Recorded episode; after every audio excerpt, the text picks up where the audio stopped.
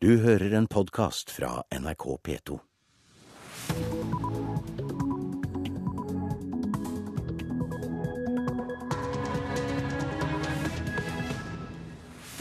Velkommen til Nyhetsmorgen. Klokka er 6.30. Programleder i dag er Anne Jetlund Hansen, og dette er hovedsakene våre den neste halvtimen.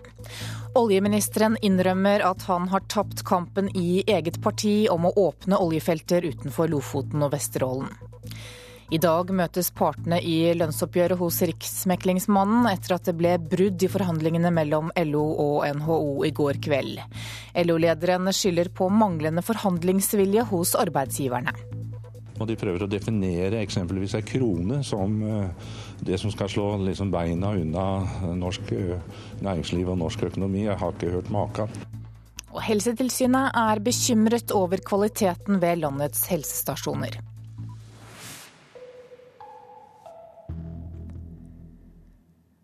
Oljeministeren innser at han har tapt kampen i eget parti om å åpne oljefelter utenfor Lofoten og Vesterålen.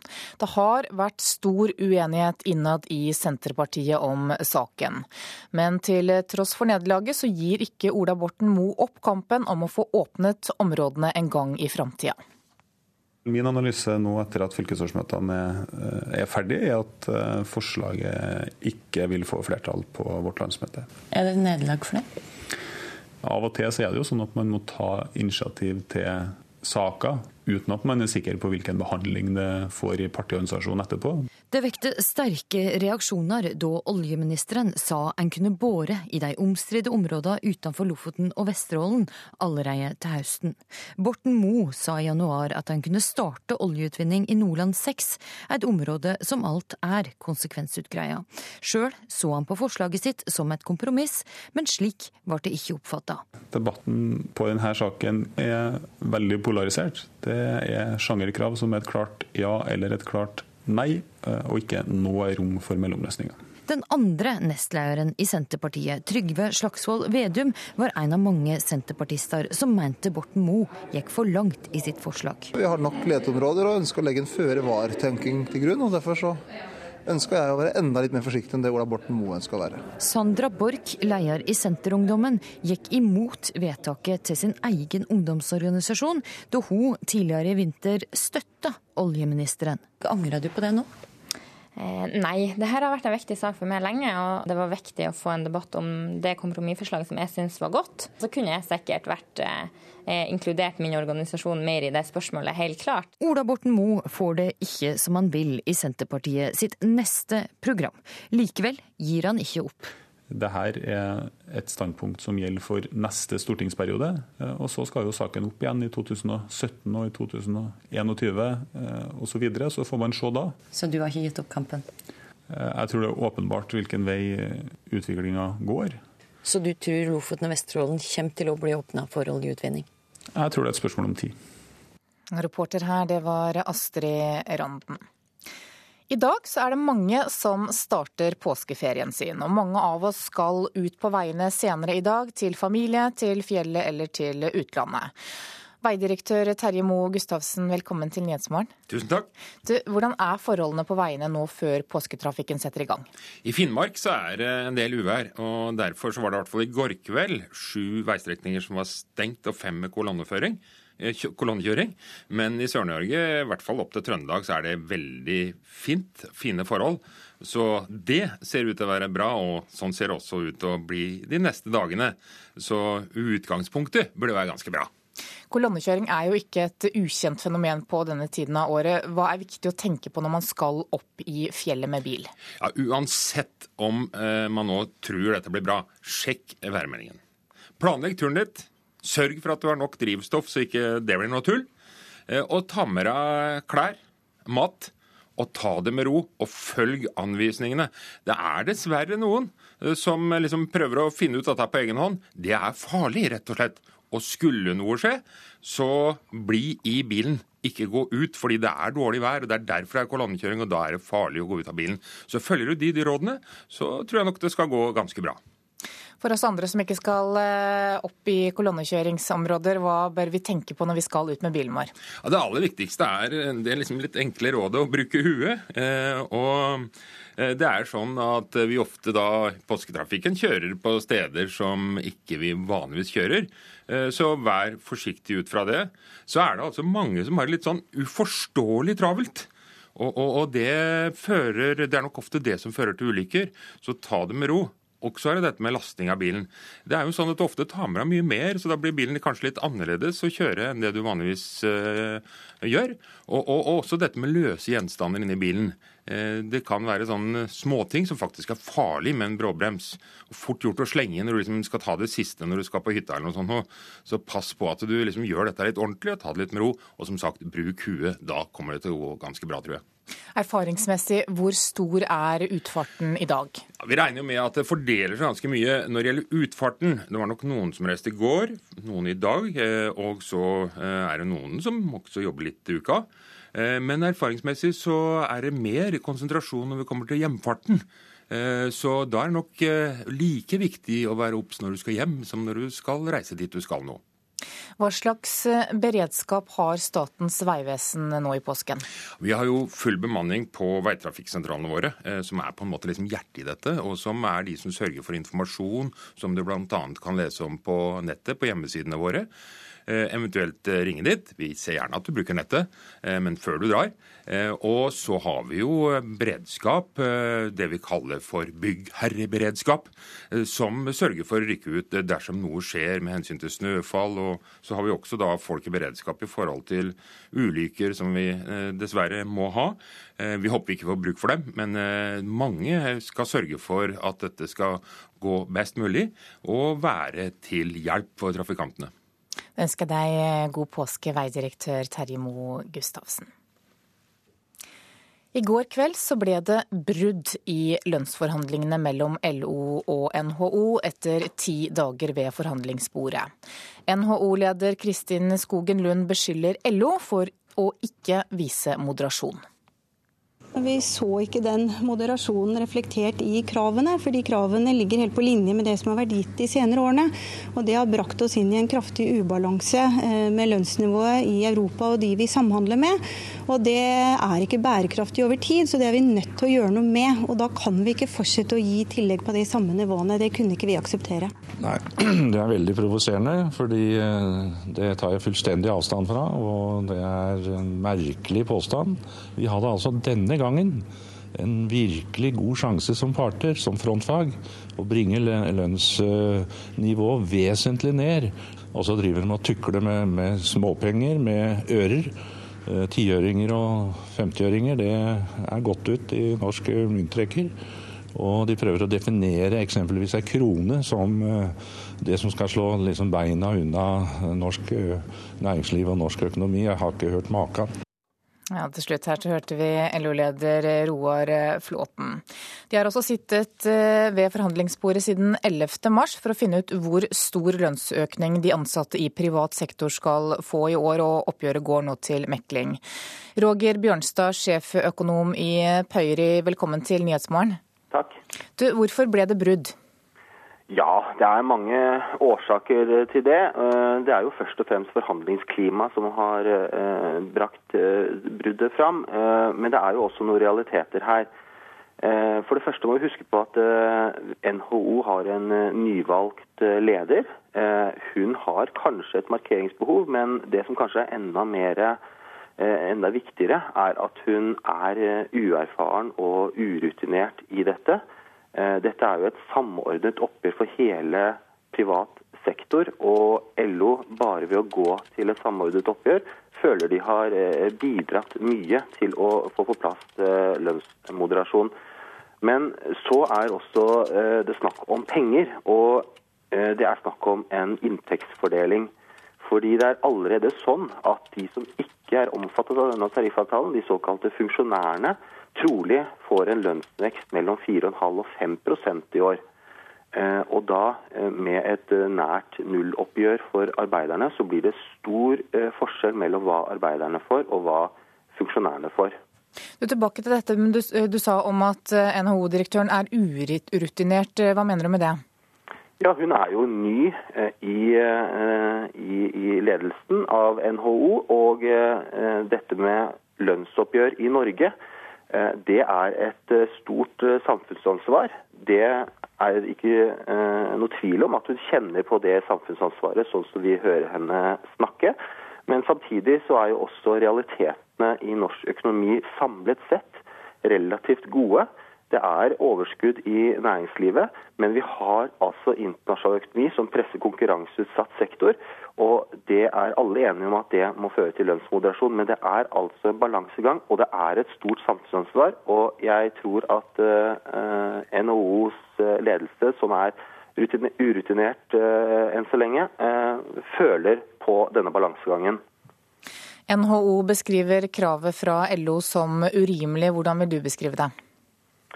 Ja, jeg eh, ser at det kan være vanskelig å eh, forsvare et eh, nulloppgjør for LO.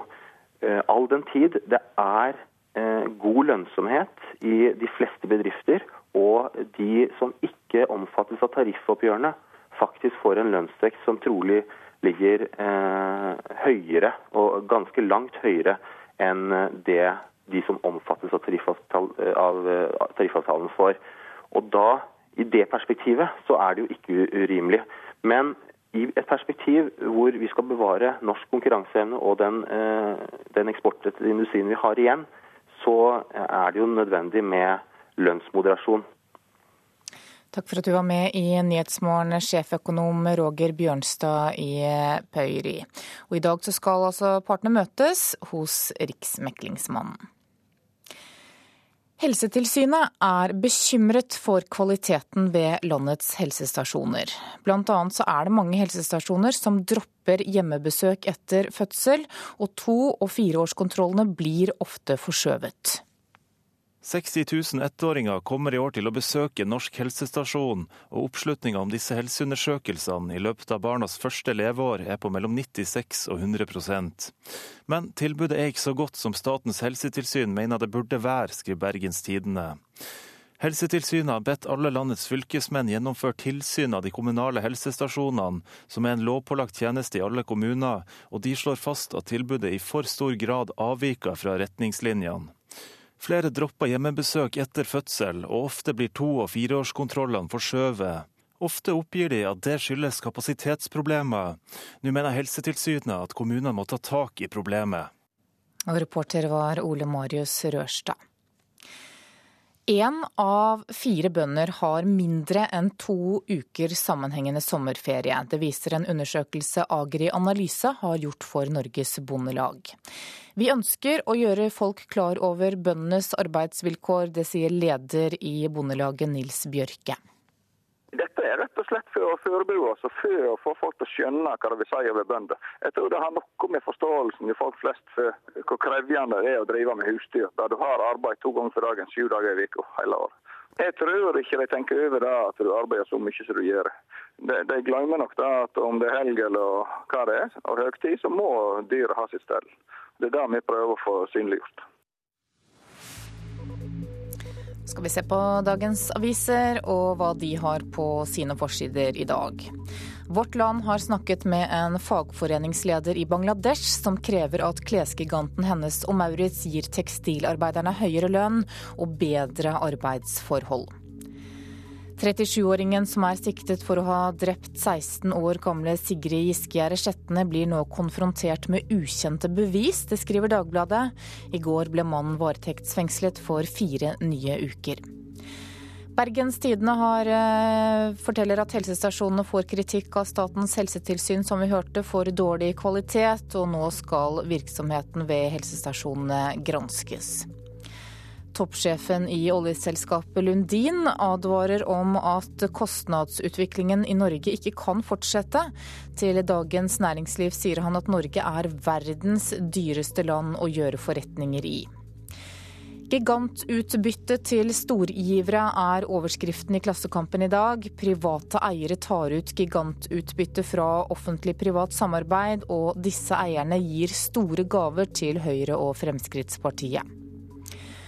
Oljefondet har eierandeler for nesten 12 milliarder kroner i skogindustrien i Sverige og Finland. Det skriver Nasjonen.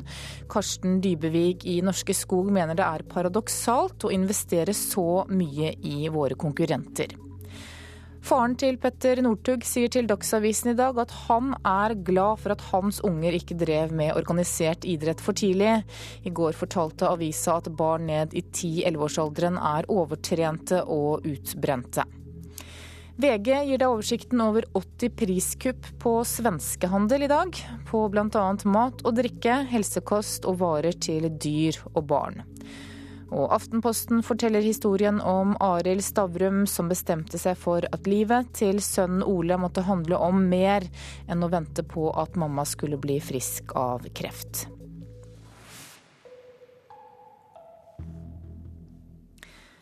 Skal vi ha sport, for i kveld så møter Norge Albania i VM-kvalifiseringen i fotball. Til nå så har ikke de norske spissene levert varene. Det er forsvarsspiller Brede Hangeland som er Norges toppskårer i kvalifiseringen. Hvis ikke spissene begynner å skåre, så kommer vi ikke til VM, sier han. Ja, det, jeg føler meg ikke som noen toppskårer. Eh, jeg er selvfølgelig som forsvarsspiller fornøyd med å ha to mål. Men Er det et paradoks? Ja, Det kan du si at det er, men eh, jeg tror nok det er mest av alt tilfeldig at, eh, at, det har blitt sånn nå. Jeg håper jo at realistisk sett at noen andre er toppskårere når kvaliken er ferdig, ellers så tror jeg vi ikke kommer til å være i VM. Fulham-proff Brede Hangeland har skåret to mål så langt i VM-kvalifiseringen. Fire andre spillere har ett mål hver. For noen er det overraskende at en midtstopper er toppskårer. Jon Arne Riise, vet du hvem som har skåra flest mål i den kvaliken for Norge? Enten, siden du spør meg, så er det meg, eller så er det Tariq. Det er han Brede. Brede. Brede, Brede, sorry. Brede. Jon Arne Riise er en av spillerne som har skåret ett mål. Han er enig i at det er bekymringsfullt at kun Joshua King av spissene har skåret mål på de fire VM-kvalifiseringskampene som er spilt. King og spisskollega Alexander Søderlund tar selvkritikk. Det sier seg selv at midtstopper ikke skal være toppskårer i en VM-kvalik. Selvfølgelig skulle vi ønske at vi kunne skåret litt flere mål. Søderlund mener mye av grunnen til at spissene ikke skårer flere mål, er spillestilen til det norske landslaget, som innebærer effektive dødballer. I den rolla vi er her på landslaget, så blir det litt sånn at vi kommer mye imot og tar imot ball og spiller ball, og da er ofte de andre foran oss eh, i banen. Så men vi kan jo bli bedre på dødballer med og skåre litt der, så, men vi skal gjøre vårt beste for å få mål. Joshua King kan ikke godta at en forsvarsspiller er toppskårer, og vil gjøre noe med det. Akkurat, ja, jeg skal ta igjen Brede. Det, er, det, det, skal, det skal sette meg som mål å ta igjen Brede på skåringslista. Reporter her var Geir Elle. Du kan høre kampen mot Albania i kveld klokka 19 i NRK P1. Du hører på Nyhetsmorgen i NRK P2 og Alltid nyheter. Klokka er 6.48. Dette er hovedsaker i nyhetene i dag. Oljeministeren innrømmer at han har tapt kampen i eget parti om å åpne oljefelter utenfor Lofoten og Vesterålen. I dag møtes partene i lønnsoppgjøret hos Riksmeklingsmannen etter at det ble brudd i forhandlingene mellom LO og NHO i går kveld. Og rekrutteringskampanjene har ikke hjulpet. Læreryrket sliter fortsatt med å lokke de unge.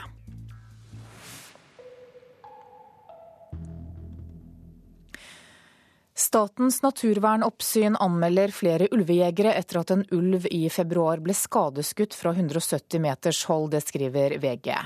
Ulven ble skutt under en lovlig lisensjakt i Telemark. I rapporten fra oppsynet kommer det frem at ulven først ble skadeskutt fra 170 meter, og etterpå avfyrte en annen jeger fem skudd fra om lag samme avstand. Ulven ble først drept da en tredje jeger skjøt den på ca. 40 meters hold.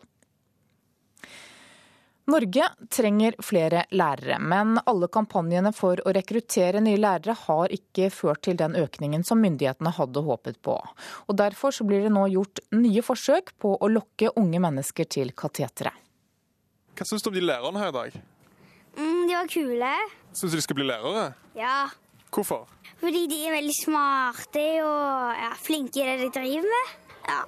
Jeg tror du kan bli lærer. Nils Arne Egelandsdal Hauge i klasse 4B på Aspervika skole i Sandnes er fornøyd med innsatsen til Emilie Børresen. Hun går siste året på St. Olav videregående i Stavanger, og fikk torsdag prøve seg som lærer for aller første gang gjennom kampanjen Lærer for en dag. Jeg var overgitt hvor lett det var å gi, gi dem instruksjoner, liksom, for de forsto mye mer enn det jeg trodde de skulle. Det å få denne muligheten har jo selvfølgelig veldig mye å si, for da blir du jo med en gang mye sikrere. og kan bruke argumenter når du prøver å få andre til å bli lærere, forstå hva det egentlig går i. Ved å bli kasta ut i det, skal Børresen og andre videregående elever bli frista til å bli lærere. Det sier praksiskoordinator ved Universitetet i Stavanger, Kitty Garborg. Vi har jo dette rekrutteringsprosjektet Læreren for en dag fordi vi ønsker fokus på lærerutdanninga. Vi ønsker oss flere kvalifiserte søkere til utdanninga. Og med at de da, elever fra videregående får lov å treffe studenter ute, så tror vi kanskje at studentene er våre beste ambassadører.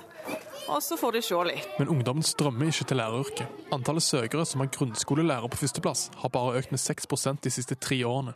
Og andelen kvalifiserte søkere ligger stabilt på rundt 60% det viser en fersk rapport fra følgegruppen for lærerutdanningsreformen. Ja, altså Konsekvensene er jo at elevene ikke får den undervisningen som de har krav på, og som de trenger. Det sier leder i følgegruppen, Elaine Mynte. Hun har tro på rekrutteringskampanjen trass lavere resultater. Jeg tror jo at all positiv oppmerksomhet er god oppmerksomhet. Og, og, det trenger vi absolutt mye mer av. Så det å få positiv oppmerksomhet rundt det å være lærer er glimrende. Mynte tror løsningen på rekrutteringsutfordringen er å sikre at lærerne faktisk får jobbe med det de kan. Så jeg tror vi må se litt på selve lærerarbeidet, og at, det, at, lærerne opplever at de får rom og anledning til å jobbe med det som de faktisk opplever er viktig. De takler det veldig bra. Jeg tror de har lyst til å bli lærere. Elev Leif Magnus Gauksås på Aspervika skole har rett. Prøvelærer Camilla Aspelund har vært sikker lenge. Jeg har hatt lyst til å bli lærer veldig lenge, så jeg tror jeg vil bli det. Mest fordi kanskje det var et yrke jeg visste om, og både mormor og morfar var lærere, så det har noe å si. Og eh, at det virker, alltid virker kjekt, og både viktig yrke, veldig viktig yrke. Og det sa Camilla Aspelund til reporter Rolf Christian Toppdal. Det må forskes mer på kultur, det mener kulturminister Hadia Tajik. Hun gir derfor 2,5 millioner kroner til et eget kunnskapssenter for kulturnæringen. I Ringsaker-operaen har vi frivillighet. Og, og mot kulturhus i går. I salen sitter personer fra hele kulturfeltet i Hedmark. Eh, nå er det jo sånn at Vi kommer ikke til å trekke noen konklusjoner nå. for det, Prosessen er jo at vi skal besøke alle fylkene, ta imot alle innspillene. På podiet statsråd Hadia Tajik, statssekretær Kjersti Stenseng og andre representanter fra Kulturdepartementet. De er på rundreise til alle landets fylker for å få innspill til hva det bør satses på i det neste kulturløftet. Det er litt underlig at i norsk kulturliv Det er mange meninger om kultur. Nå skal mer fakta på bordet. Det var flere som var inne på det, og det er bare kjempefint at du òg bekrefter det nå. Da må vi rekke et par intervjuer før du må i bilen. Så jeg lurer på om du bare tar NRK først. Etter møtet avslører kulturministeren at departementet nå vil gi 2,5 millioner kroner for å opprette et kunnskapssenter for forskning på kulturnæringa. De pengene skal rent konkret gå til at man etablerer et kunnskapssenter som kan ha ansvaret for eh, kunnskap og forskning på kulturnæringsområdet. De siste ti åra har sysselsettinga innen kulturnæringene økt med nesten 50 det nye kunnskapssenteret skal bidra til at det blir mer kunnskap om kultur, og ikke fullt så mye synsing som i dag, sier statsråden. I dag er det sånn at eh, mye av det som blir gjort på kulturnæringsområdet, er nettverksbasert og erfaringsbasert. Og det er klart at det er viktig, men like viktig er det at det er kunnskapsbasert og forskningsbasert. Og derfor trenger man òg et kunnskapssenter. Det nye forskningssenteret kommer i handlingsplanen for kultur og næring rett etter påske. Hvor det skal ligge er ennå ikke bestemt, men Tajik inviterer nå fagmiljøer i Kultur-Norge til å ta kontakt. De fagmiljøene som finnes der ute, som driver med kunnskapsutvikling på dette området, at de tar kontakt med en gang de ser eh, utlysningen, eh, og, og forteller hvorfor det burde legges til de, eller hvorfor de burde være samarbeidspartnere for dette. Pengene skal komme fra Kulturdepartementet. Kulturministeren håper det nye kunnskapssenteret for forskning på kulturnæringer skal være i drift om kort tid. Og Målet er at det skal eh, være i funksjon allerede fra 2014. Senteret sin oppgave vil være å legge til rette for eh, både at man får brukt den forskningen, eh, den kunnskapen som finnes på dette området, men òg sikre at det blir mer forskning og kunnskap på området. Reporter var Stein S. Eide. Kaizers Orkestra er storfavoritt til å bli kåret til årets spellemann på hjemmebane i Stavanger i morgen. Men musikkjournalister mener det er pussig at et av Norges største rockeband bare har fått én albumpris på tolv år. Frontfigur Jan Ove Ottesen mener janteloven får ta noe av skylda. Jeg tror eh, årets pris går til Kaizers. Eh, det blir Kaizers Orkestra. Da vil jeg holde på Kaizers Orkestra. Tre herrer som burde vite hva de snakker om. Musikksjef Mats Borch Bugge i P3, fulgt av journalistene Robert Gjestad i Aftenposten og Geir Rakvåg i Dagsavisen. Se, se I Stavanger konserthus øver Kaizers Orkestra foran lørdagens Spellemannshow, der bandet skal kaste glans over TV-sendingen med sangen 'Begravelsespolka' fra albumet som kom i fjor.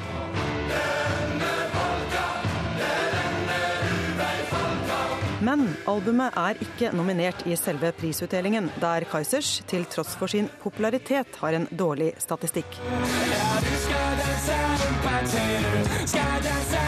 danse, etter Spellemannprisen for debutalbumet 'Ompa til du dør' i 2001 har Kaizers gitt ut ni album.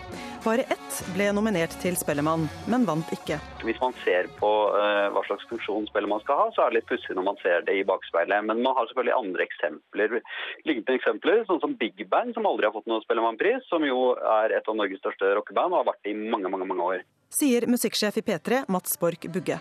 Musikkjournalist Robert Gjestad advarer mot denne trenden altså jeg syns det er bra at Spellemann kikker nedover mot, mot, de unge. Men uh, vi må jo ikke uh, lukke øynene for at det er en del gode, etablerte artister uh, i Norge som, som, fortsatt lager strålende plater som de har fortjent å, å få en nominasjon og kanskje en pris for. I år så er jo ikke f.eks. ikke Vamp nominert i, i, i verken vise eller pop eller noe rock-klasse, og det er, jo, det er, jo, merkelig. Sånne priser er ofte, ofte for debutanter og veteraner sier frontfigur og låtskriver i Kaizers, Jan Ove Ottesen. F.eks. i England, hvis du, har, hvis du er liksom årets band har, har et knallalbum, da er det helt sjølskreven nominert, og sannsynligvis vinner du. I Norge Not so much. Eh, der syns jeg Norge er litt kjip, og, og da, minner det, da minner det om sånn jantelov igjen. I dag er avstemningen i Spellemannprisen så hemmelig at fagjuryen på fem til sju personer ikke engang møtes eller vet om hverandre. Musikkjournalist Robert Gjestad vil ha mer åpenhet for å sikre bredde. At den som sitter i juryen faktisk uh, diskuterer seg fram til, til nominasjoner og til vinnere, istedenfor at det skal være hemmelig valg. Styreleder i Spellemann AS Marte Thorsby sier til NRK at hun er fornøyd med dagens juryordning. Samtidig er Spellemann alltid åpen for å diskutere endringer, sier hun. Reporter her, det var Anette Johansen Espeland. Nå skal vi se på et værvarsel som gjelder til midnatt. Fjell i Sør-Norge kan vente seg øst- og sørøstlig frisk bris utsatte steder. Av og til kuling sør for Haukeli og stort sett pent vær. Østland og Telemark nordøstlig bris. På kysten frisk bris, opphold og perioder med sol. Agder nordøstlig frisk bris, liten kuling på kysten. Periodevis stiv kuling øst for Lindesnes. Enkelte snøbyger ytterst på kysten, ellers opphold og perioder med sol. Rogaland østlig frisk bris utsatte steder, periodevis liten kuling i sør og pent vær. Hordaland og Sogn og Fjordane øst- og sørøstlig frisk bris utsatte steder, utrygt for snøbyger ytterst på kysten, ellers pent vær. Møre og Romsdal østlig eller skiftende bris. Østlig liten kuling utsatte steder på Nordmøre, i kveld minkende. Utrygt for snøbyger på kysten lengst sør, ellers pent vær. Trøndelag østlig liten kuling utsatte steder. Først på dagen av og til stiv kuling på kysten, ellers pent vær. I kveld nordøstlig bris og tilskyende fra nord. Helgeland, Saltfjellet og Salten kan vente seg en dreining til nordlig bris i dag. Pent vær, men i ettermiddag noe tilskyende. Ofoten, Lofoten og Vesterålen nordlig bris, i ettermiddag økning til frisk bris. I kveld periodevis nordlig liten kuling på yttersiden og enkelte snøbyger. Troms nordlig bris, i ettermiddag økning til liten kuling på kysten, perioder med snøbyger. Kyst- og fjordstrøkene i Finnmark nordlig periodevis stiv kuling og snøbyger. Finnmarksvidda nordlig frisk bris utsatte steder. Enkelte snøbyger i nordlige deler, ellers opphold. Og på Nordensjøland på Spitsbergen er det ventet nordvestlig bris i dag og stort sett pent vær.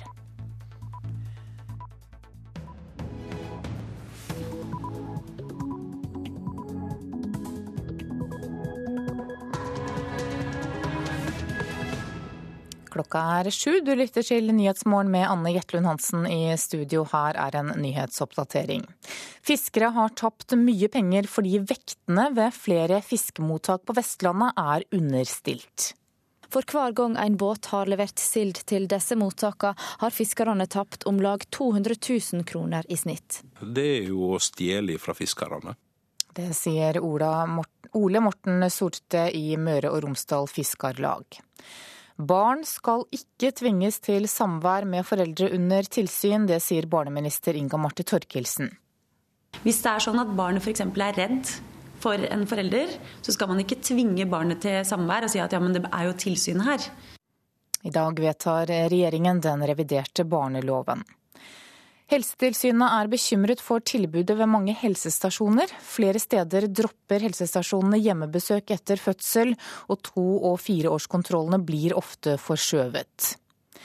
Frankrikes tidligere president Nicolas Sarkozy ble sent i går kveld siktet for å ha utnyttet landets rikeste kvinne under presidentvalgkampen i 2007.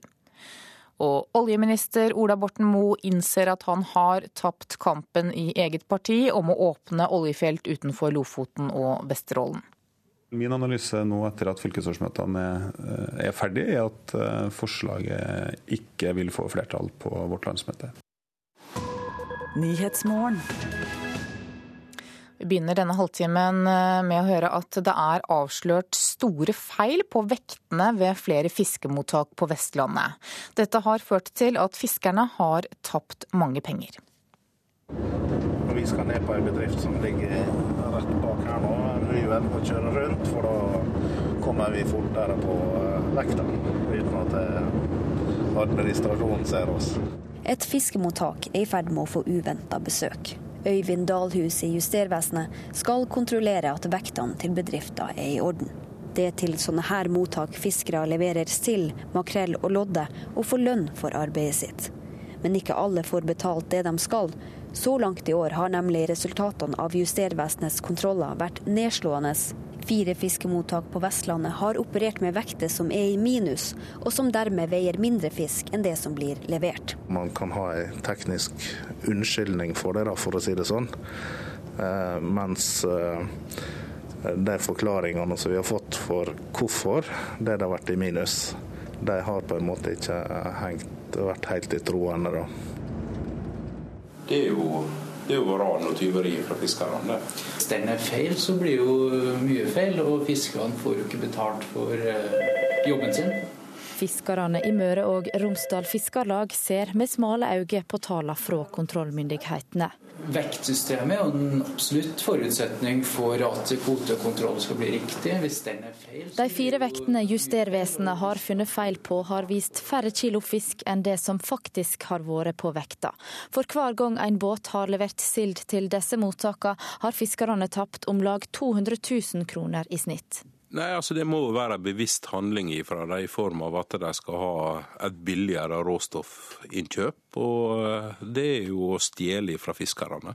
Sier Ole Morten Sorte, daglig leder i Møre og Romsdal Fiskarlag. Jeg vil si at jeg er rimelig sjokkert over det, at det, at det er så mye. I 2013 så skulle jeg tro at det var mulig å justere vektene sånn at de var rett. Sier fiskeriminister Lisbeth Berg-Hansen. Hun mener at fiskemottak som har vekter stilt i minus, i mange tilfeller bør meldes til politiet. Jeg mener alle som eh, kommer over at her foregår det juks, eh, må bare anmelde det, så får vi undersøkt det. Geir Ove Ystmark, direktør for industri i fiskeri- og havbruksnæringas landsforening, syns feila Justervesenet har funnet er urovekkende. Det er klart at Hvis avvikene er store, og hvis det er eh, og spesielt hvis det er noen som har justert vekselen selv, så er det noe vi tar sterk avstand til. Tilbake i Møre og Romsdal kommer kontrollørene ut av fiskemottaket. Gikk det fint? Nei. Også her veide en vekt feil og ble stengt. Frem til i år pleide Justervesenet å si fra til fiskemottakene før de kom. Øyvind Dalhus lover flere overraskende kontroller fremover. Det var på høy tid at vi satte i gang med den type kontroll. Reportere var Kristine Svendsen og Eirin Årdal. Knut Eirik Olsen, du er fiskerikommentator her i NRK. Eh, på et av disse mottakene så veide vekta seks tonn for lite per time. Kan du prøve å sette det i perspektiv for oss? Ja, Det blir jo fort store tall når man snakker om sild. Det er enorme mengder som skal eh, på land. Og alle som har vært på kaia, ser så mye sild at det nesten er ubeskrivelig. Men hvis vi skal ta et et regneeksempel. La oss si at disse seks tonnene disse, som er juksa vekk, eh, eh, koster da fem kroner kiloet. Så blir jo eh, det totale tapet per time på 30 000 kroner. Og mange ganger så tar det ti timer å losse en båt, og da kan man jo gange 30 000 med ti. Så får man, mye, får man et bilde på hvor mye som forsvinner. Tidligere denne uka så avdekket NRK juks med torsk. Men har du hørt om feiljusterte vekter på sildemottak tidligere? Nei, det har jeg aldri gjort, og det tror jeg det er svært få som har gjort. Men jeg ringte rundt til noen sildeprodusenter i går, og de kunne fortelle om at det har vært folk som har blitt tatt for å jukse med sild tidligere. Men de samme sildefolkene kunne ikke skjønne hvordan det er mulig å jukse på, på vekt i dag. fordi da må man jo bryte alle plomber som, som, er på vekter for å sikre at ikke noe ulovlig skjer. Så de tar jo en stor risiko, de som, som jukser uansett. Ja, hvilke konsekvenser kan dette få? Nei, Det er jo omdømmekonsekvensene som jeg syns er aller aller viktigst å tenke på når man driver og jukser i fiskerinæringa. I går så var Lisbeth Berg-Hansen og hele eliten i norsk sjømatnæringa i Ålesund og snakka om at de skal bli verdens beste sjømatland, Norge. Og de her avsløringene er jo såpass alvorlige at kanskje må de iverksette nye, nytt arbeid når det, gjelder, når det gjelder å passe på at ikke juks skjer rundt omkring. Jeg tenker på, på Helga Pedersen, som i sin tid klarte å få, å få hele verden til å stoppe ulovlig fiske i, i Barentshavet. Nå er det jo ikke så mye lys, lys igjen i den, i den glorien hennes. men det er jo et ordtak som sier at det er ikke noen ild uten røk, men det er også et ordtak som sier at ei fjær kan fort bli til fem høns. Og I dette tilfellet så tror jeg de to ordtakene illustrerer situasjonen i næringa nå. Hvorfor har det ikke vært slike uanmeldte tilsyn tidligere? Det er mange uanmeldte tilsyn rundt omkring i næringa hele sesongen. Men eh, situasjonen i år er ganske spesiell i og med at det skal så veldig mye fisk på land til en dårlig pris. Og det kan presse eh, og gjøre sånn at eh, fiskere og fiskeindustrier lar seg presse til å, til å omgå loven. Takk skal du ha, Knut Eirik Olsen, som også er fiskerikommentator her i NRK. Barn skal ikke tvinges til samvær med foreldre under tilsyn. Det sier barne- og likestillingsminister Inga Marte Torkelsen. Den reviderte barneloven som regjeringen vedtar i dag, hever terskelen for når domstolen skal bestemme om et barn skal ha samvær med foreldre under tilsyn. 17 år gamle Sofie ble plassert i fosterhjem som liten, men besøkte foreldrene en gang imellom. Det var en gang og mamma, og en gang annen og pappa. Og da var det en helg hvor jeg var med begge to. Altså hver for seg, da. Og det var bare kjempegøy. Som liten flytta Sofie til fosterforeldre pga. konflikter i heimen. Hun besøkte de egentlige foreldra noen dager om gangen, som oftest sammen med en eldre slektning. Det var veldig fint at det var noen som skjermet ting jeg ikke burde se. Det var noen jeg stolte på, og det var utrolig fint for meg.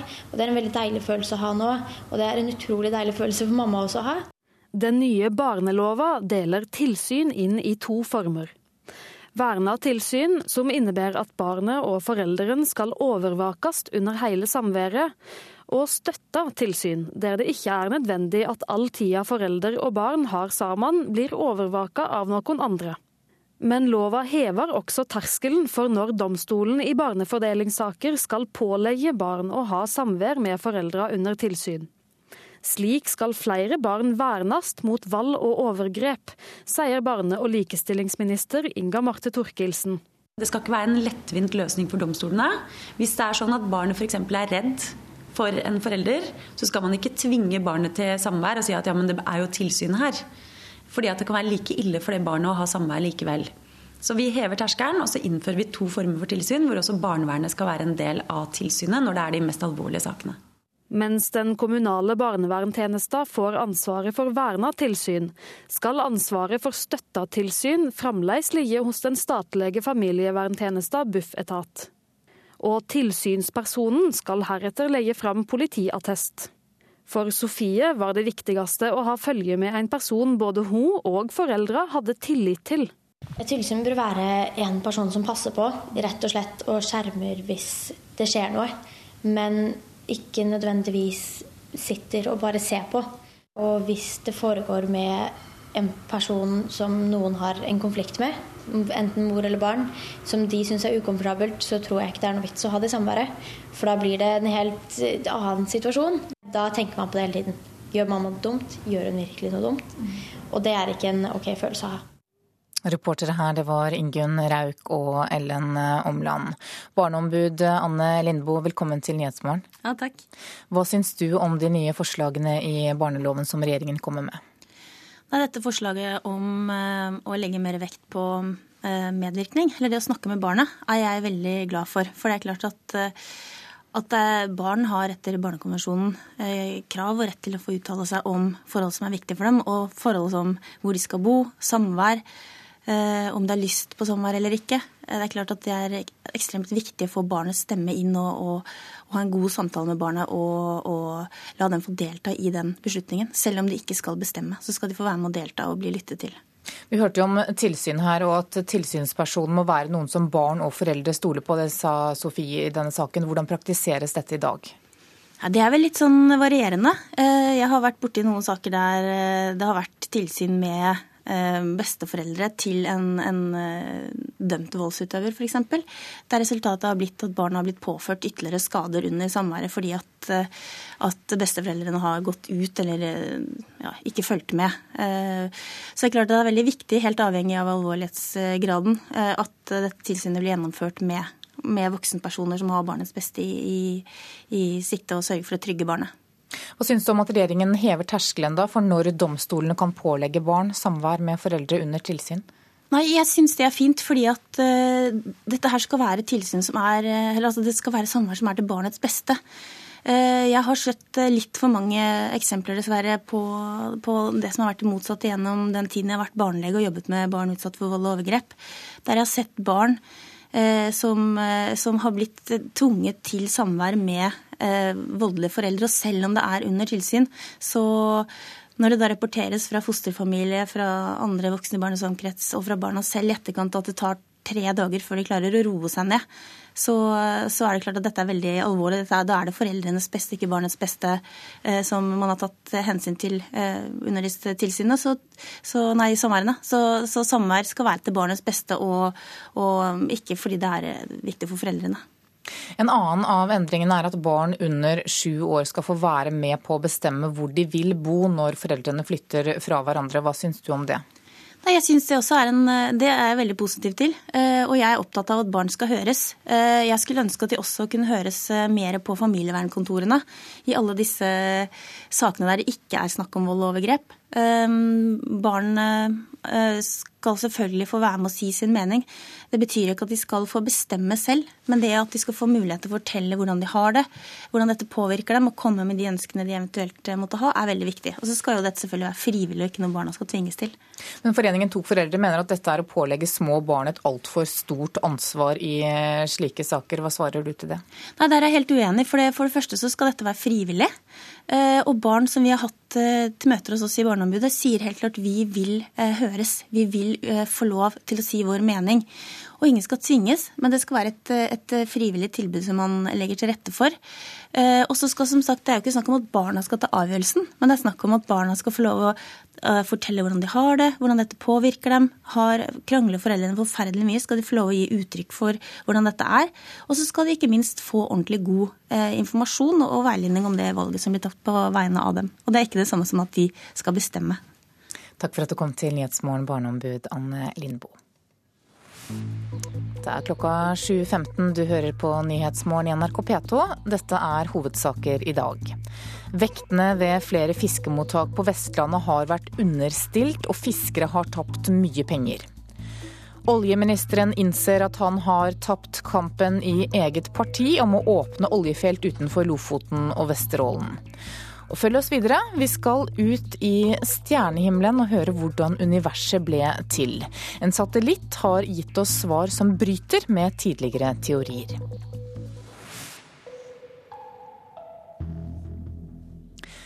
Men før det så skal vi til Frankrike. For tidligere president Nicolas Sarkozy ble sent i går kveld siktet for å ha utnyttet Frankrikes rikeste kvinne finansielt under presidentvalgkampen i 2007.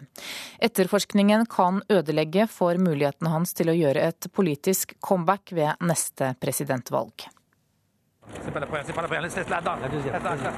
Der, der er han, utbryter fotografene idet en bil eskortert av motorsykkelpoliti begynner å kjøre vekk fra rettsbygningen i Bordeaux. Lyset fra blitslampene avslører at det er Frankrikes tidligere president Nicolas Sarkozy som sitter i baksetet. Helt uventet ble han i går innkalt til den ansvarlige dommeren i en sak som har versert i flere år. Anklagene om at Sarkozy tok imot konvolutter med store pengebeløp fra arvingen til kosmetikkfirmaet Loreal, den nå 90 år gamle Liliane Betancourt. Der ble ekspresidenten konfrontert med noen av Betancourts ansatte, annet hennes butler. Nå er det innledet formell etterforskning i saken. Resultatet av etterforskningen kommer til å avgjøre om Sarkozy blir stilt for retten for å ha brutt loven. Sarkozy ble kjent med Frankrikes rikeste kvinne da han var borgermester i Neuilly, den mest fornemme forstaden til Paris. De ble gode venner. Men Nicolas Sarkozy nekter anklagene om at han tok imot konvolutter stappet med penger for å finansiere sin presidentvalgkamp i 2007, noe den gamle kvinnens revisor hevder. Ifølge disse anklagene tok Sarkozy mot 150 000 euro, mer enn 30 ganger den lovlige grensen for valgkampbidrag i Frankrike.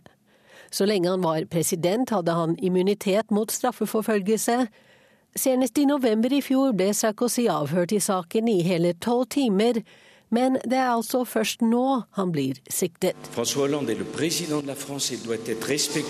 I fjor måtte Nicolas Sarkozy innrømme valgnederlaget og gå av som Frankrikes president. I det siste har han antydet at han kan komme til å stille igjen ved neste korsvei i 2017. Men den videre gangen i Betancourt-saken kan komme til å stanse de planene. Det sa utenriksmedarbeider Wenche Eriksen. Påstandene om at det er brukt kjemiske våpen i Syria ser ikke ut til å stemme, ifølge en amerikansk tjenestemann.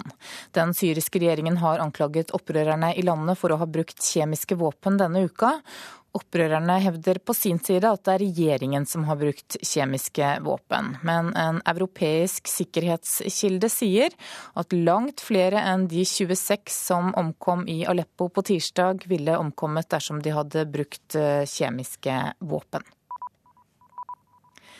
Regjeringen i Italia har sendt to italienske soldater på vei tilbake til India, der de er tiltalt for drap. I en uttalelse fra regjeringen i går så heter det at den har fått forsikringer om at India kommer til å ivareta soldatenes rettigheter. De to italienerne er tiltalt for å ha drept to indiske fiskere i februar. Nå skal vi ut i stjernehimmelen og snakke om hvordan universet ble til. En satellitt har gitt astronomer svar som bryter med tidligere teorier, og i går så ble resultatene presentert fra, den europeiske romfartsorganisasjonen. Og reporter Halvard Sandberg, hva er det de har funnet ut? De har funnet ut, eller Vi har funnet ut gjennom denne satellitten som har stirret ut i universet, at universet er litt eldre enn det vi trodde. 13,8 milliarder år er klokka nå. Så gammelt skal det være. Og så er funnet ut at universet ikke er helt likt i alle retninger når du ser på stor skala. Når du bare stirrer ut i universet, så ser du mye stjerner og galakser. Men hvis du ser en mye større felt enn det, så skal alt være likt i alle retninger. Og det er det ikke, ifølge denne satellitten. Så der har du noe som eh, forskerne må tenke hm, der har vi tatt litt feil. Det må vi prøve å finne ut av. Og så er det noe med hvordan universet oppsto. Da universet oppsto, så skal det ha utvidet seg mye raskere enn lysets hastighet. At selve rommet utvidet seg utrolig fort. En hyperekspansjon, heter det. Ja, kanskje at det ikke skjedde allikevel, mener nå de som har studert Planck-dataene, denne satellitten altså. Du, kan du eh, fortelle litt om bakgrunnen for dette prosjektet? Bakgrunnen er at det finnes stråling der ute. Det finnes mikrobølgestråling, samme som vi har i mikrobølgeovnen vår, overalt i universet. Og Hvis du har noe som fanger opp mikrobølgestråling, eh, så kan du måle dette her. Og Det har vi gjort før, men eh, på veldig sånn grov skala. altså at Vi har funnet mikrobølger her, mikrobølger der, og sett ganske grått ut. Men med dette instrumentet her så har du sett veldig veldig, veldig gode detaljer. Og så har du lagd et kart som da viser hvor er det kald mikrobølger, hvor er det varme mikrobølger rundt omkring i universet. Og det er ikke store forskjellen, det er et sånn titusendels grad, men de har greid å lage et ekstremt nøyaktig kart. Og ut fra det så kan da forskerne komme med mange, mange forskjellige konklusjoner. Og ikke alle de konklusjonene stemmer hvordan de trodde det skulle være. Ja, hva kan dette fortelle oss? Det kan fortelle oss at eh, forskerne ikke har helt rett i hva de har tenkt før. Det er det første. Og det kan også fortelle oss at kosmologi, som eh, lenge ble sett på som litt vel eh, sånn eggehodetenking, er veldig spennende. Det er et spennende felt, fordi at vi vet ikke alt, og vi må tenke på nytt på en del områder om hvordan tingene henger sammen. Men nå skal det sies det at all den hjernekraften som er brukt de siste 100 årene, i hvert fall, om kosmologi, om hvordan universet oppsto, eh, i hvert fall innenfor forskerne, eh, det har veldig mye rett. altså. Det ser ut som veldig mye av det, det de har tenkt, er riktig. Men det er en del detaljer som nå denne satellitten som heter Planck har funnet ut, som ikke stemmer. Får det noen konsekvenser for oss? For deg og meg får ikke bedre kjøleskap av dette. altså. Dessverre. Det gjør ikke det. Dette her er mer litt inne i filosofien, og så er det veldig greit å vite hvordan universet oppsto, og hva som er der, for å gi svar til eh, folk som lurer på det, f.eks. barn og sånt. Hva er egentlig universet? Nå kan vi komme litt nærmere og gi et riktig svar, for det har vi ikke greid før. Og så vet vi ikke, eh, når det gjelder eh, forskning, så er det sånn at du kan aldri vite hvilken forskning som faktisk fører til noe som har betydning for deg og meg etter hvert. Men akkurat dette ser ikke ut som det har sånn store betydninger akkurat nå. Takk for at du kom i studio, Halvard eh, Sandberg. Skal vi se på eh, dagens aviser og hva de har på sine forsider i dag. Vårt Land har snakket med en fagforeningsleder i Bangladesh som krever at klesgiganten Hennes og Maurits gir tekstilarbeiderne høyere lønn og bedre arbeidsforhold. 37-åringen som er siktet for å ha drept 16 år gamle Sigrid Giskegjerde Skjetne, blir nå konfrontert med ukjente bevis, det skriver Dagbladet. I går ble mannen varetektsfengslet for fire nye uker. Bergens Tidende forteller at helsestasjonene får kritikk av Statens helsetilsyn for dårlig kvalitet, og nå skal virksomhetene granskes. Toppsjefen i oljeselskapet Lundin advarer om at kostnadsutviklingen i Norge ikke kan fortsette. Til Dagens Næringsliv sier han at Norge er verdens dyreste land å gjøre forretninger i. Gigantutbytte til storgivere er overskriften i Klassekampen i dag. Private eiere tar ut store utbytter fra offentlig-private samarbeid, og disse eierne gir etterpå store gaver til Høyre og Fremskrittspartiet. Oljefondet har eierandeler for nesten 12 milliarder kroner i skogindustrien i Sverige og Finland. Det skriver Nasjonen. Karsten Dybevig i Norske Skog mener at det er paradoksalt å investere så mye i konkurrentene våre. Faren til Petter Northug sier til Dagsavisen i dag at han er glad for at hans unger ikke drev med organisert idrett for tidlig. I går så fortalte avisa at barn ned i 10-11-årsalderen er overtrente og utbrente. VG gir deg oversikten over 80 priskupp på svenskehandel på bl.a. mat og drikke, helsekost og varer til dyr og barn. Og Aftenposten forteller historien om Arild Stavrum, som bestemte seg for at livet til sønnen Ole måtte handle om mer enn å vente på at mamma skulle bli frisk av kreft.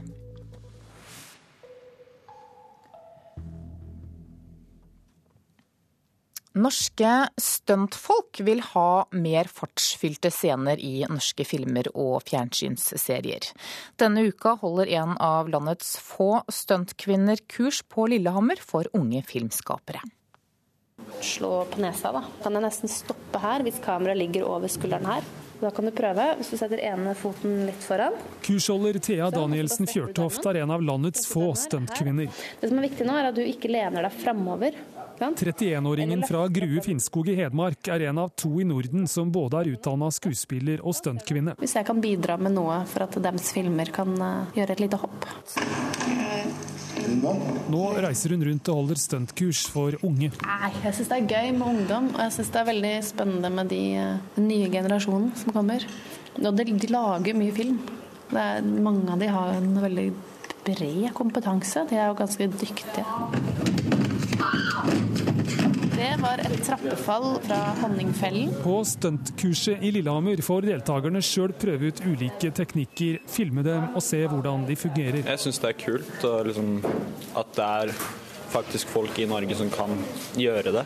Jeg trodde egentlig ikke det var noen som hadde en så stor kompetanse som hun har. Sier Niklas Millert, en av deltakerne på det fulltegnede stuntkurset. Jeg håper å lære forskjellige teknikker, slik at når jeg selv lager en kortfilm eller noe, så har jeg stuntteknikken, da, og sånn at jeg kan forsikre meg om at det ikke vil foreslå skader under tagning.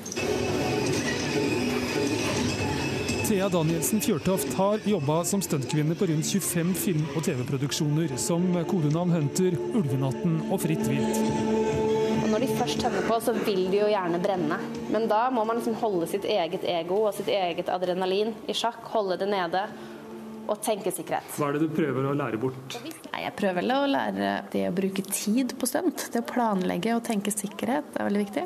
Og det er ikke noe som nødvendigvis er sånn fort gjort å gjøre, eh, men samtidig at det er mulig, og at det er ganske gøy. Og man kan få til dramatiske eller actionfylte sekvenser. Og jeg ser det på stunt som, som et viktig fortellerinstrument. Det å faktisk gi publikum den visuelle opplevelsen av det òg, syns jeg er viktig. Thea Danielsen Fjørtoft mener stuntscenene i norsk film og drama kan bli mye bedre. Ja, absolutt. Absolutt. Det håper jeg jo de her ungdommene da, nå går ut og, og produserer masse film og, og, husker på å engasjere stuntfolk tidlig i prosessen og ta med seg kompetanse som ikke de har da. Reporter var Stein S. Eide. Politikerne i Namsos reddet i går Rock City fra konkurs ved å ettergi 7,5 millioner kroner i husleie for 2011 og 2012. Dermed lever Rock City videre, iallfall fram til mai, når Namsos-politikerne skal ta en endelig beslutning om selskapets fremtid. Men det var ikke med lett hjerte jeg var med på dette vedtaket, det sier Marit Hauke fra Arbeiderpartiet. Nei, Jeg syns at det har vært en vanskelig sak, og jeg syns at uh, det, vi har trengt pengene til andre ting. Men jeg ser at er lite, vi har liten mulighet til å gjøre det på en annen måte enn dette. Hva er veien videre nå da for Namsos kommunes engasjement i Rock City? Nei, Nå skal vi ha en sak i mai, og da skal det jo avgjøres videre. Så nå settes jo alle saksbehandlere på her, og så det utredes. Og vi må få svar på mange av de spørsmålene som vi ønsker å få svar på fra kommunestyrevedtaket. Så det ja-et dere nå, det trenger ikke å bli et ja i slutten av mai? Det er jo et ja med forbehold, for nå må vi se at Rock City kan levere på mandatet. Og vi må se om det er en mulighet for Namsos kommune å følge med. Og det sa Marit Hauke fra Arbeiderpartiet til reporter Espen Sandmo. Du hører på Nyhetsmorgen i NRK P2 og Alltid nyheter. Den neste halvtimen så blir det først nå Dagsnytt 7.30 ved Ida Creed. I Politisk kvarter klokka 7.45 så kommer bl.a. kunnskapsminister Kristin Halvorsen for å svare på hvorfor regjeringen vil stramme inn mulighetene for å få dispensasjon for kravet til pedagoger i barnehagene. Produsent for Nyhetsmorgen i dag heter Vidar Eidhammer, og her i studio Anne Jetlund Hansen.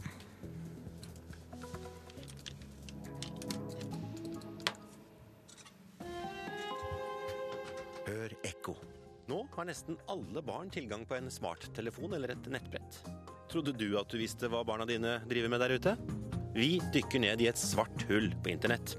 Kyniske voksne som innynder seg hos dem som er altfor unge. Er løsningen å nekte barn nettilgang? Ekko 9 11 i NRK P2. Det er avdekket store feil på vekter til fiskemottak på Vestlandet, har gitt tap til fiskerne og gevinst til mottakene. De forklaringene som vi har fått for hvorfor det har vært i minus, de har på en måte ikke vært helt i troende. De har vært litt tynne? Ja, vi kan trygt si det. Oljeministeren har tapt kampen i eget parti om å åpne Lofoten for oljeboring. Flere utøvere truer med å boikotte verdenscupavslutningen i langrenn. Her er NRK Dagsnytt klokken 7.30. Det er avdekket store feil på vektene til flere fiskemottak på Vestlandet. Det har fiskerne tapt penger på, mens mottakene har fått en gevinst de ikke skulle hatt.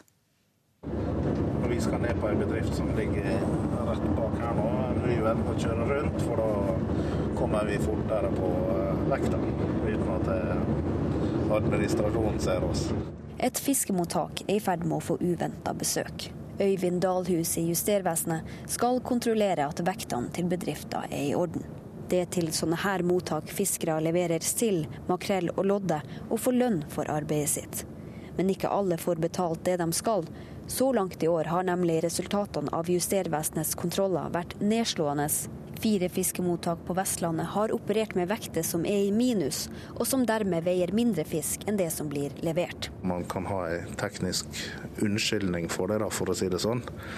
Eh, mens eh, de forklaringene som vi har fått for hvorfor det har vært i minus, de har på en måte ikke hengt, vært helt i troende. da. Det er jo, det er jo ran og tyveri fra fiskerne. Hvis den er feil, så blir jo mye feil, og fiskerne får jo ikke betalt for eh, jobben sin. Fiskerne i Møre og Romsdal Fiskarlag ser med smale øyne på tallene fra kontrollmyndighetene. Vektsystemet er en absolutt forutsetning for at kvotekontroll skal bli riktig. Hvis den er feil De fire vektene Justervesenet har funnet feil på, har vist færre kilo fisk enn det som faktisk har vært på vekta. For hver gang en båt har levert sild til disse mottakene, har fiskerne tapt om lag 200 000 kroner i snitt. Nei, altså Det må være bevisst handling fra dem i form av at de skal ha et billigere råstoffinnkjøp. Og det er jo å stjele fra fiskerne. Sier Ole Morten Sorte, daglig leder i Møre og Romsdal Fiskarlag. Jeg vil si at jeg er rimelig sjokkert over det, at, at det er så mye. I 2013 så skulle jeg tro at det var mulig å justere vektene sånn at de var rett. Sier fiskeriminister Lisbeth Berg-Hansen. Hun mener at fiskemottak som har vekter stilt i minus, i mange tilfeller bør meldes til politiet. Jeg mener alle som eh, kommer over at her foregår det juks, eh, må bare anmelde det, så får vi undersøkt det. Geir Ove Ystmark, direktør for industri i fiskeri- og havbruksnæringas landsforening, syns feila Justervesenet har funnet er urovekkende. Det er klart at Hvis avvikene er store, og hvis det er eh, og spesielt hvis det er noen som har justert vekta sjøl, så er det noe vi tar sterk avstand. Tilbake i Møre og Romsdal kommer kontrollørene ut av fiskemottaket. Gikk det fint? Nei. Også her veide en vektfeil og ble stengt. Frem til i år pleide Justervesenet å si fra til fiskemottakene før de kom. Øyvind Dalhus lover flere overraskende kontroller fremover. Det var på høy tid at vi satte i gang med den type kontroll. Reportere her var Kristine Svendsen og Eirin Årdal. Oljeministeren og nestlederen i Senterpartiet, Ola Borten Moe, innrømmer at han har tapt oljekampen i eget parti. Det har vært sterk uenighet om forslaget hans om å åpne deler av oljefeltene utenfor Lofoten og Vesterålen i Senterpartiet. Og nå innser oljeministeren at han ikke vil vinne gjennom på landsmøtet etter påske. Men han gir ikke opp. Min analyse nå etter at fylkesårsmøtene er ferdig, er at eh, forslaget ikke vil få flertall på vårt landsmøte. Er det et nederlag for det? Av og til så er det jo sånn at man må ta initiativ til saker uten at man er sikker på hvilken behandling det får i partiorganisasjonen etterpå. Oljeministeren ville åpne for boring i deler av de omstridte områdene utenfor Lofoten og Vesterålen. I Nordland 6, et område som allerede er konsekvensutgreia. Og i januar ble det heftig debatt da han sa at det kan bli oljeutvinning her allerede fra høsten av. Debatten på denne saken er veldig polarisert. Det er sjangerkrav som er et klart ja eller et klart nei, eh, og ikke noe rom for mellomløsninger. En av de som mente Ola Borten Moe gikk for langt, er den andre nestlederen i Senterpartiet, Trygve Slagsvold Vedum. Vi har nok leteområder og ønsker å legge en føre-var-tenking til grunn. og Derfor så ønsker jeg å være enda litt mer forsiktig enn det Ola Borten Moe ønsker å være. Ola Borten Moe får det ikke som han vil i Senterpartiet sitt neste program. Likevel gir han ikke opp. Dette er et standpunkt som gjelder for neste stortingsperiode. Eh, og Så skal jo saken opp igjen i 2017 og i 2021 osv. Så, videre. så får man se da. Så du har ikke gitt opp kampen? Eh, jeg tror det er åpenbart hvilken vei utviklinga går. Så du tror Lofoten og Vesterålen kommer til å bli åpna for oljeutvinning? Jeg tror det er et spørsmål om tid. Reporter Astrid Randen. Tidligere president Nicolas Sarkozy er siktet for å ha utnyttet Frankrikes rikeste kvinne finansielt under presidentvalgkampen i 2007. Etterforskningen kan ødelegge mulighetene hans til å gjøre et politisk comeback ved neste presidentvalg.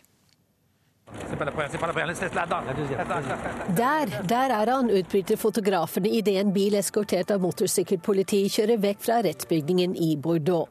Lyset fra blitslampene avslører at det er Frankrikes tidligere president Nicolas Sarkozy som sitter i baksetet. Helt uventet ble han sent i går kveld innkalt til den ansvarlige dommeren i en sak som har versert i flere år. Anklagene om at Sarkozy tok imot store pengebeløp fra arvingen til kosmetikkfirmaet Loreal, den nå 90 år gamle Liliane Betancourt. Nå er det innledet formell etterforskning i saken. Nicolas Sarkozy nekter anklagene om at han tok imot konvolutter stappet med penger for å finansiere sin presidentvalgkamp i 2007. Ifølge disse anklagene fikk han 150 000 euro, mer enn 30 ganger den lovlige grensen for valgkampbidrag i Frankrike.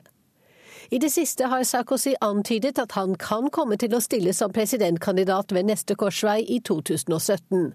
Men den videre gangen i Betancourt-saken kan komme til å sette en stopper for de planene. Det sa utenriksmedarbeider Wenche Eriksen. Regjeringen går inn for å lovfeste funksjonshemmedes individuelle rett til å ha en personlig assistent styrt av brukeren. Det sier helseminister Jonas Gahr Støre. Det vil være funksjonshemmede som trenger hjelp i mer enn 25 timer, som får denne retten. Ja, det det betyr i praksis, det er at den som har nedsatt funksjonsevne, selv kan bestemme hvem som skal komme og hjelpe dem, når assistenten skal komme og hvilke oppgaver eh, assistenten skal løse. Eh, hvis f.eks. denne personen ønsker å gå på kino, så kan vedkommende selv velge dag og tid for det. Og I dag vet vi at det er vanskelig for mange, men med denne rettigheten så mener vi at uh, mennesker med nedsatt funksjonsevne vil få en trygghet og sikkerhet uh, om at de har uh, rett til denne hjelpen. Sa helseminister Jonas Gahr Støre. I helgen avsluttes verdenscupen i langrenn i svenske Falun. Men det kan se ut til at flere sentrale løpere kommer til å boikotte rennene. Sportsmedarbeider Mats Håby, hva er grunnen? I utgangspunktet så er det en utforkjøring, en utfortrasé i en del av løypa her i Falun som utøverne mener er både for, består av både for brede svinger og som også er rett og slett for smal og for bratt i den, i den traseen. Og som gjør at de mener det er uforsvarlig sikkerhetsmessig å, å delta både i dag, men kanskje også i resten av helga. Hvem er det som snakker om å boikotte? Nei, Det er egentlig store deler av uh, løperne. Det er bl.a. Uh, verdenscupvinner på kvinnesiden Justina Kowalczyk, det er Marit Bjørgen, det er Therese Johaug.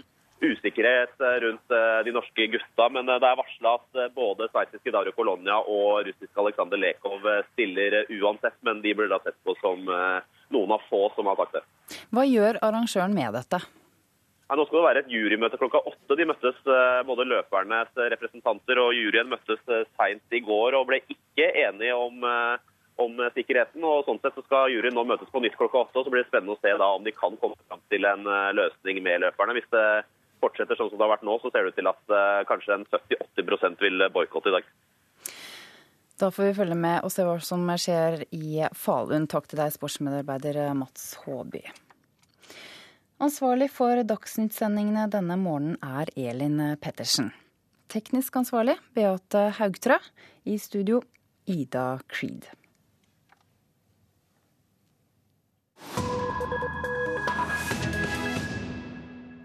Klokka er 7.40 og Nyhetsmorgen fortsetter. Den ettersøkte kongolesiske krigsherren Bosco Ntanga fryktet trolig for livet sitt da han søkte tilflukt i USAs ambassade i Rwandas hovedstad Kigali tidligere denne uka. Han ba selv om å få bli overført til Den internasjonale straffedomstolen i Haag.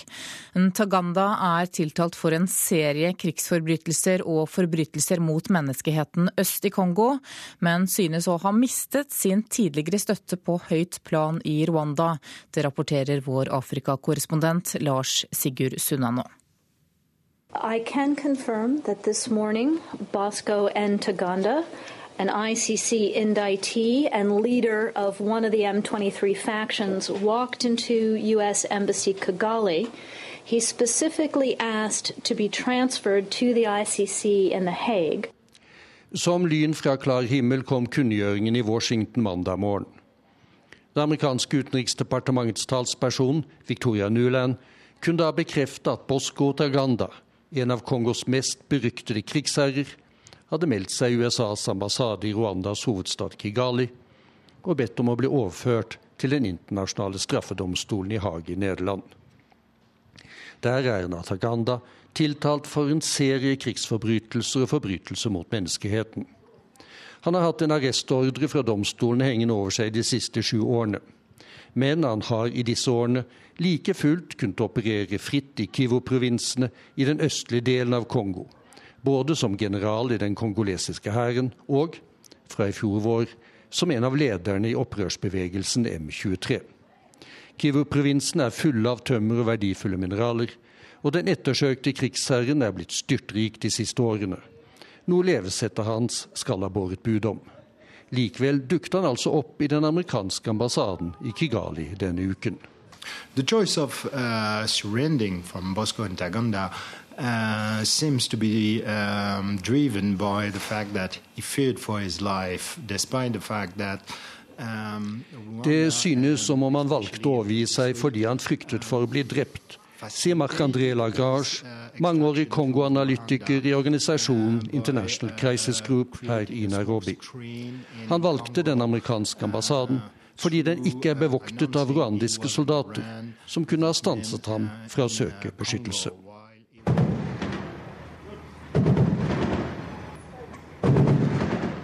Bosco Nataganda kom etter alt å dømme over grensen til Rwanda i forrige uke om å ha lagt seg ut med sine tradisjonelle støttespillere på høyt plan i Kigali. I Kyovo hadde da vært harde kamper om et våpenlager nord for provinshovedstaden Goma, mellom to fraksjoner av opprørsbevegelsen M23. Den ene var ledet av M23s militære sjef Sultani Makenga. Den andre støttet Nataganda. Natagandas fraksjon tapte etter å ha sluppet opp for ammunisjon. Nå er det Makenga og hans geriljasoldater som kan kontrollere et stort og mineralrikt område i denne østlige delen av Kongo. Og som vil bli forhandlingspartner når en ny fredsavtale for Øst-Kongo skal gjennomføres, etter at den ble vedtatt av elleve afrikanske land i Addis Abeba for en måned siden. Med Bosco Nathaganda på vei til Haag kan denne gjennomføringen bli enklere, men ikke nødvendigvis, påpeker Marc-André Lagrange. The surrender of Bosco and Taganda is merely a change of warlord in the Kivu. Bosco Natagandas overgivelse betyr bare et skifte av krigsherre i Kivu, sier han. Så lenge Makenga M23 fortsetter å være i den nordlige Kivu-provinsen, opprettholder Rwanda dermed sin indirekte kontroll over deler av den, og over den ulovlige gruvedriften der. Reporter var vår Afrikakorrespondent Lars Sigurd Sunnanå. Klokka er 7.44. Du lytter til Nyhetsmorgen. Dette er våre hovedsaker. Det er avdekket store feil på vektene ved fiskemottak på Vestlandet. Det har gitt fiskerne tap og mottakene gevinst. Oljeministeren innrømmer nederlag i eget parti om å åpne opp Lofoten for oljeboring. Og flere utøvere truer med å boikotte verdenscupavslutningen i langrenn. Nå skal vi ha Politisk kvarter, og regjeringen vil skjerpe regelverket for å sikre barn i norske barnehager flere pedagoger, programleder Sigrid Solund. Men hva hjelper regler og normer når det ikke er førskolelærere å ta av? Og AUF håper Ola Borten Moes partinederlag i Lofoten og Vesterålen kan styrke deres kamp internt i Arbeiderpartiet.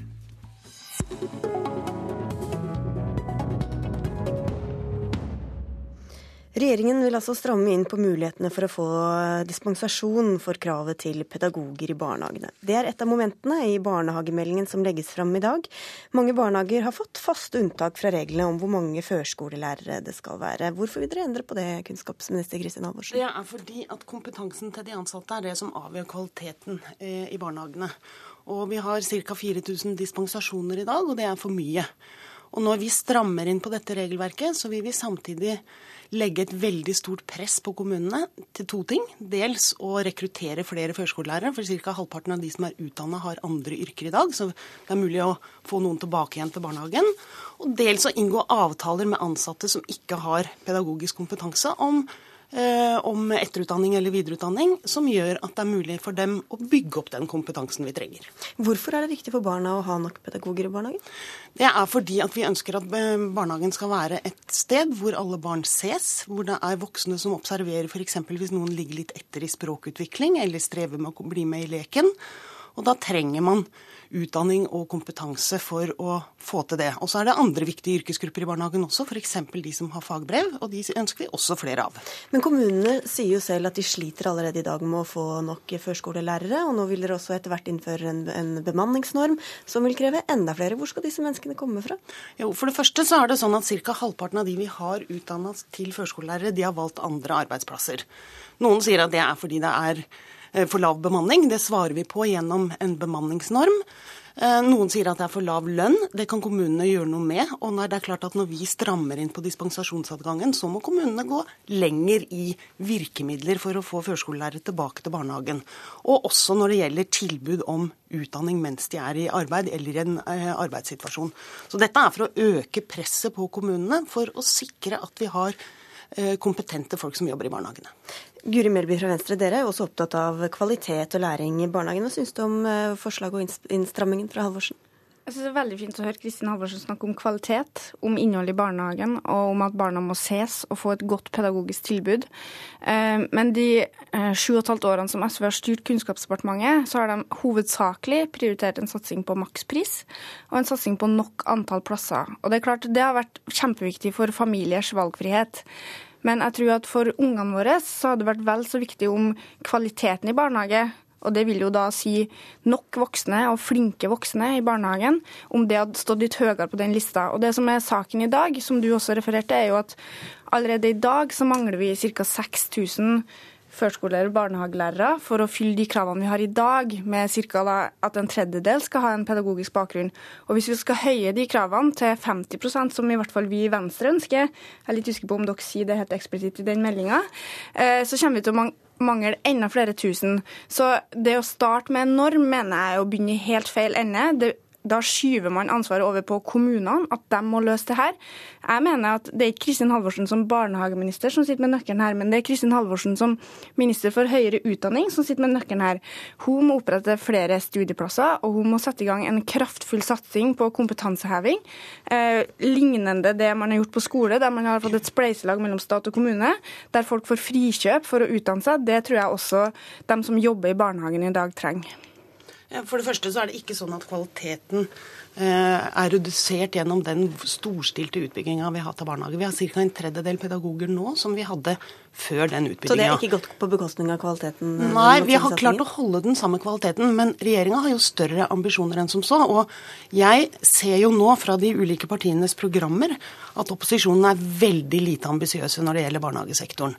Eh, sånn at her kommer vi til å stå over en sak som berører jo 300 000 barn. er jo sånn, Dere har jo sittet i mange år i, i regjering, da. Jo, men husk på det at siden, siden, det store barnehageforliket, som nå er ti år siden, så har 77 000 flere barn fått plass i barnehage. Det er nesten ingen som må gå til en usikker dagmamma som ikke de vet noe om lenger. Det har vært et voldsomt kvalitetsløft uh, for de minste. Så ønsker vi å utvide våre ambisjoner nå, og jeg ser jo av Venstres program at de har ingenting å bidra med. Jeg ser at Høyres program at de heller ikke har noe å bidra med. og Fremskrittspartiet Fremskrittspartiet omtaler nesten ikke barnehagene. Sånn at hvis det blir regjeringsskifte, så får vi ikke bemanningsnorm. Eh, jeg ser at Venstre sier at minst 50% av de ansatte skal ha relevant utdanning. Ja, det har de i barnehagen i dag. Summen av pedagoger og de som har fagbrev, er ca. 50% av de som jobber i barnehagene. Og dessuten vil de fjerne maksprisen. Og innføring av makspris betyr at barnehagen, en barnehageplass er ca. 25 000 kroner billigere i året i dag enn den var for ti år siden. Så her er det store spørsmål for småbarnsforeldre. Okay, men vel for ja, her viser jo Kristin Halvorsen igjen at det kommer liksom tilbake til pris, og at det blir det viktigste. Det som er det var eh, Det som er poenget i Venstres program, er at vi ønsker 50% som da er, har pedagogisk bakgrunn som er førskolelærere. Det er ca. en tredjedel i dag. Norge er på jumboplass i OECD. Sammenlignet med 25 andre land i OECD så ligger vi nederst. Sverige og Danmark har ca. 50% og vi vil at Norge skal opp dit. Det er målet i vårt program. Og så um, har vi en ganske kraftig satsing på det med utdanning og det med etter- og videreutdanning i vårt program. Eh, og jeg tror at det er et bedre virkemiddel enn å sette et sånt måltall eh, som kommunene da må kjempe etter å nå. og ansette førskolelærere som ikke finnes. For det er jo ikke sånn at de står i kø i dag for å begynne i barnehagen. Og mange av dem som har andre yrker, som Kristin Halvorsen snakker om, de er i skolen, og vi trenger dem også der. Og jeg tror ikke det er noe ulempe at det finnes karriereveier for folk som velger førskolelæreryrket. Og så det med makspris. For jeg tror nemlig at fokuset på makspris har vært ganske negativt for kvaliteten i barnehagen. For det betyr at kommuner som ønsker å satse på kvalitet, ikke har noen virkemidler. Jeg snakka med en barnehageeier som sa at hvis vi bare kunne tatt 300 kroner mer fra alle foreldre, og kanskje litt mindre av, av dem som har lav inntekt, så kunne vi fått 50% med førskolelærerutdanning med en gang. Men i dag har man ingen sånne virkemidler, og det mener jeg er negativt for kvaliteten. Det er jo veldig klargjørende for eh, lytterne og velgerne at det er så store forskjeller mellom den rød-grønne regjeringa og opposisjonen i, i barnehagepolitikken. Nei, jeg de fleste foreldre er mer opptatt av kvaliteten enn prisen. Nå snakker jeg. 25 000 kroner mindre i utgifter for en småbarnsfamilie, det betyr at man har større valgfrihet. Og det at vi har gjort barnehageplassene billigere, det har stor betydning. Men hvis det kunne gitt bedre kvalitet, da? Jo, men, men, det som er viktig her, det er jo at vi har et barnehagetilbud som er tilgjengelig. Eh, og det som er problemet til Venstre, det er jo at de går verken for bemanningsnorm. Vi har halvparten i dag med kompetanse i barnehagene. Utfordringen er å skaffe flere pedagoger. Men, men Kristin Halvorsen, jeg må bare spørre deg om dette med, med altså bemanningsnorm. Den skal komme innen 2020. Dere vil ta tak i dispensasjonene, men bare en liten del av dem, de som er faste. Hvor ambisiøst er det her egentlig? Egentlig? Ja, Dette er et veldig ambisiøst eh, program for å sikre bedre kvalitet i barnehagene. og Det er veldig nødvendig, fordi vi har stadig flere små barn i barnehagene. og Derfor er det viktig at vi har kompetente folk som kan se hver enkelt Men av dem. Hvorfor tar dere ikke fatt i flere av dispensasjonene og innfører bemanningsnormen tidligere? Det er fordi at vi skal gå fram på en sånn måte at det er mulig for kommunene å rekruttere disse førskolelærerne, og mulig for oss å utdanne dem i den, eh, det tempoet vi trenger for å få til et eh, godt barnehagetilbud. Og jeg er veldig overraska over at ikke Venstre ser at det har stor betydning for om man ser hvert enkelt barn, hvor mange voksne det er i barnehagene. Jeg skulle gjerne vært i SVs verden der alt er veldig enkelt, der staten kan bestemme en norm, og så ordner det seg. Sånn er ikke Vi politikere må ta grep. Vi må sørge for etter- og videreutdanning. Vi må sørge for flere førskolelærere. Bare da får vi en barnehage der alle ungene blir sett. Men de grepene som Venstre lar være å ta, det er å innføre bemanningsnorm. Det er veldig klargjørende for velgerne. Det er ingen offensive tiltak her i forhold til utdanning og rekruttering av førskolelærere. Så jeg gleder meg jo til at barnehagene kommer til å få en sentral plass i valgkampen valgkampen. Fordi det er så store forskjeller mellom opposisjonen og det rød-grønne flertallet på dette området. Kristin Halvorsen og Guri Melby, takk for at dere kom til Politisk kvarter.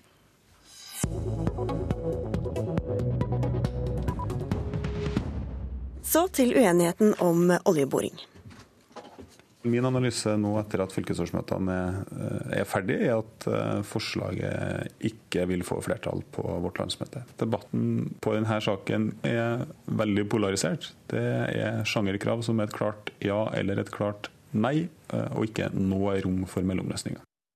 Olje- og energiminister Ola Borten Moe ser at han ikke får partiet sitt med seg på det han kalte et kompromissforslag om oljeboring i deler av områdene utenfor Lofoten og Vesterålen.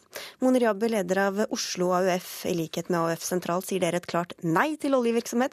Hva syns du om at Borten Moe nå flagger nederlag?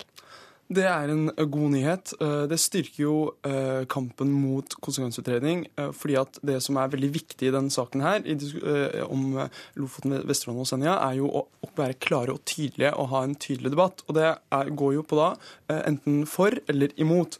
Og vi mener at det ikke er plass i fremtida for mellomløsninger. Her må vi gå helhjerta til verks og, og, ha en god diskusjon for å fatte viktige og riktige vedtak. Så dette gir dere et ekstra puff i ryggen inn mot Arbeiderpartiet? Det gjør det. Var veldig gode nyheter.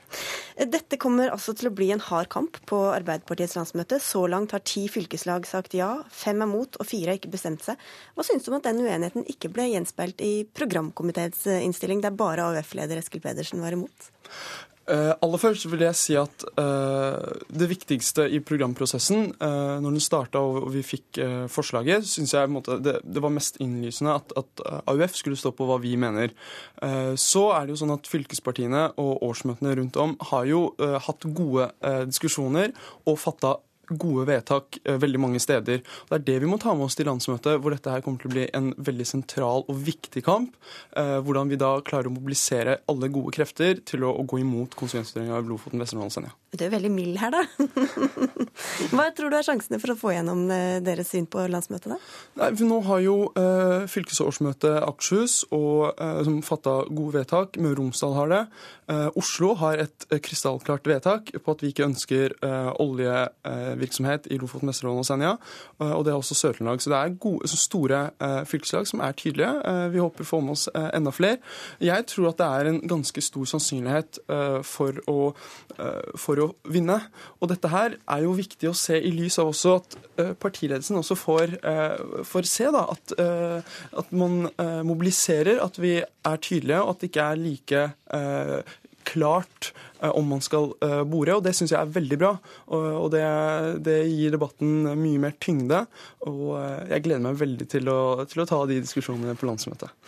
Politisk kommentator her i NRK, Magnus Takvam. Hvorfor tror du Ola Borten Moe flagger dette nå? Det er for å ta brodden av nederlaget på selve landsmøtet, gjøre det på forhånd. Fordi det er bare to av Senterpartiets fylkeslag som har støttet uh, forslaget som Borten Moe uh, jobbet fram. Så jeg tror det er den viktigste grunnen. Hadde han feilberegnet hvor mye støtte han kom til å få? Ja, eh, Borten Moe så litt på for, den forrige gangen landsmøtet behandlet dette, og da var det et relativt stort mindretall som eh, ville gå for konsekvensutredning. Så tenkte de at ok, hvis vi lager et slags eh, første skritt, et, en mellomløsning, så ville kanskje det dra eh, flertallet i, i deres retning. Men de feilberegnet he, hele den, den, prosessen fordi motstanderne eller kritikerne av eh, oljevirksomhet i Lofoten og Vesterålen så helt klart dette kompromissforslaget som skal vi si, ja-sidens forsøk på å lure inn eh, deres linje ad bakveien. Så det førte egentlig bare til en eh, større polarisering innad i forhold til denne debatten. Nå fikk AUF og oljemotstanderne i Arbeiderpartiet litt ekstra piff inn mot Arbeiderpartiets landsmøte. Moner Jabber har tro på at de mm. lykkes, har du? Det er vanskelig å si. Jeg tror nok partiledelsen i Arbeiderpartiet ikke skal vi si, har mobiliserer kjempehardt for å presse gjennom sin linje uh, for enhver pris på landsmøtet. Altså vil de forsøke å jobbe for en eller annen type kompromiss. Og hvis de klarer det, hvis de klarer å overbevise de som er kritiske til en åpning nå, som har mer skal vi si, økonomiske argumenter og ikke nødvendigvis miljøargumenter og hensyn til fiskeri som argumentasjon, så er det mulig at de kan vinne flertall. Men det vil da AUF-erne, som vi hørte her, Eh, peker på at f.eks. det å si at et landsmøte må eh, i mellomtiden si ja til å åpne for oljeaktivitet selv etter en konsekvensutredning. Den typen kompromissforslag vil de definere som, som uakseptabelt. Så det, der tror jeg debatten vil gå. Det var altså nesten helt entydig fra programkomiteen, og Jens Stoltenberg også gikk ut og støttet det. Hvorfor gikk de så høyt på banen, tror du? Jeg tror Stoltenberg og ledelsen så at uansett så ville Nordland, altså Arbeiderpartiet, eh, ha tatt opp forslaget på landsmøtet. Da ville de antagelig heller ha si, styring på det selv. Og det ville ikke være konsistent av ledelsen å late som de ikke hadde dette standpunktet på, på landsmøtet. Men de feilberegnet tydeligvis. Ja, og så vil jeg uh, bare si også at uh, det er sånn at når vi skal nå inn i landsmøtet, så er det jo uh, fordi at med, det, med, vårt standpunkt, da har vi jo de gode argumentene som klima, og det er veldig viktig at vi tar vårt, vår del av ansvaret. Når vi er ute internasjonalt og skal fremforhandle klimaavtaler, så må vi ha troverdighet, og da må vi også vise at vi ikke ønsker å øke aktiviteten på norsk sokkel. Så er det jo også den økonomiske delen med, med todeling av økonomien. en liten kommentar til kommentatoren til slutt der. Takk skal dere ha, Bonnie Riaber og eh, Magnus Tapkamp fra NRK. Politisk kvarter er eh, over for i dag. Mitt navn er Sigrid Solund. Nå fortsetter Petos Nyhetsmorgen.